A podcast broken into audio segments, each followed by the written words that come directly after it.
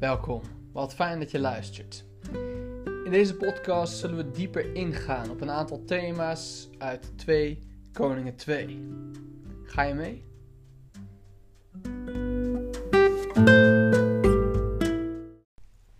Vandaag het grote vragen.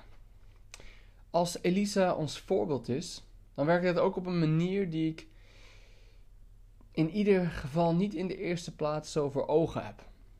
Rabbijnen stellen dat ook de ambitie van Elisa hier een voorbeeld is. Hij verlangde een dubbel deel en durfde daarom te vragen.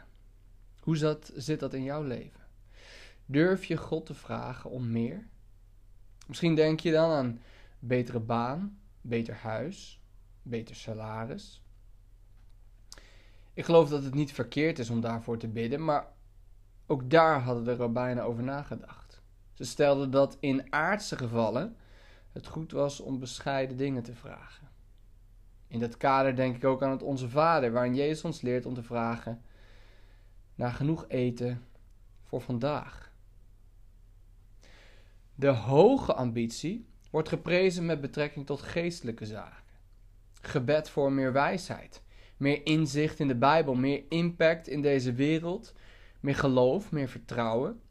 Je kinderen God beter leren kennen dan jij, beter zicht op het offer van Jezus en wat dat betekent, meer van zijn geest, ga zo maar door.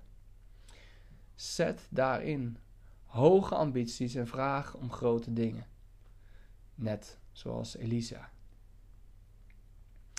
Mogen de God van onze Heer Jezus Christus, de Vader van alle luister, u een geest van inzicht schenken in wat geopenbaard is, dat u Hem zult kennen.